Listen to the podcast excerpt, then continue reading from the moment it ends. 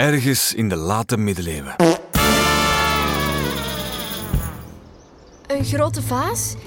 Met veel bloemen? Nee, nee. Een monster. Met drie, vier, vijf koppen. En er zitten allemaal zwaar in zijn lijf. Kijk dan. Wat jij allemaal ziet in die wolken.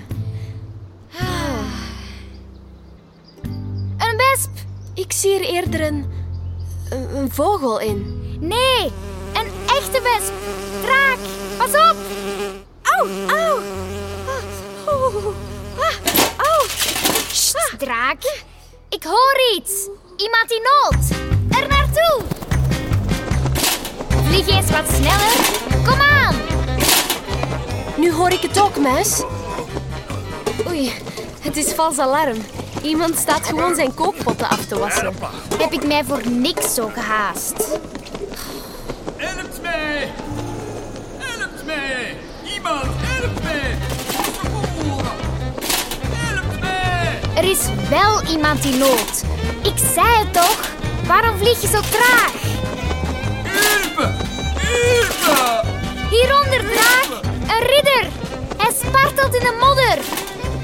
Verdorie! Kan iemand mij helpen? Ik raak niet recht in mijn harnas. Ah, mon dieu! Vrees niet.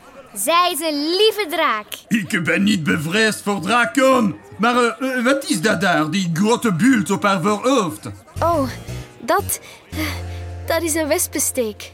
Ligt u graag in modderplassen? Oh, ik... eh, eh, help mij toch recht, alsjeblieft.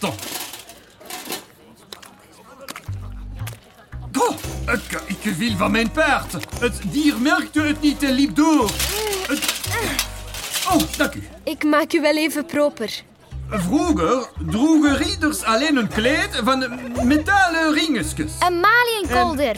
Ja, zoiets woog enorm zwaar, maar je kunt er tenminste vlot mee bewegen. Maar met zo'n stijf kostuum van ijzeren platen... Een harnas. Ja, wees neus. Een harnas weegt wel veel minder dan een maliënkolder. Amper 5 kilo, denk ik. En ja, het beschermt beter tegen de pijlen, maar het is echt niet handig als je ermee valt. Het is niet bepaald gemaakt om heel de avond mee te dansen. Voilà, proper. Gaat u dansen? Maar non, tenzij na mijn overwinning. Dansen met Isabella. Isa Mabella. Mijn schone Isabella. Ah. Zeg, ridder. Moet u niet gaan vechten of zo? Eh, ja, ja, natuurlijk. Eh, ik was onderweg naar het riddertoernooi. Ik doe mee aan het steekspel. Ken je dat ook, wijsneus? Een steekspel.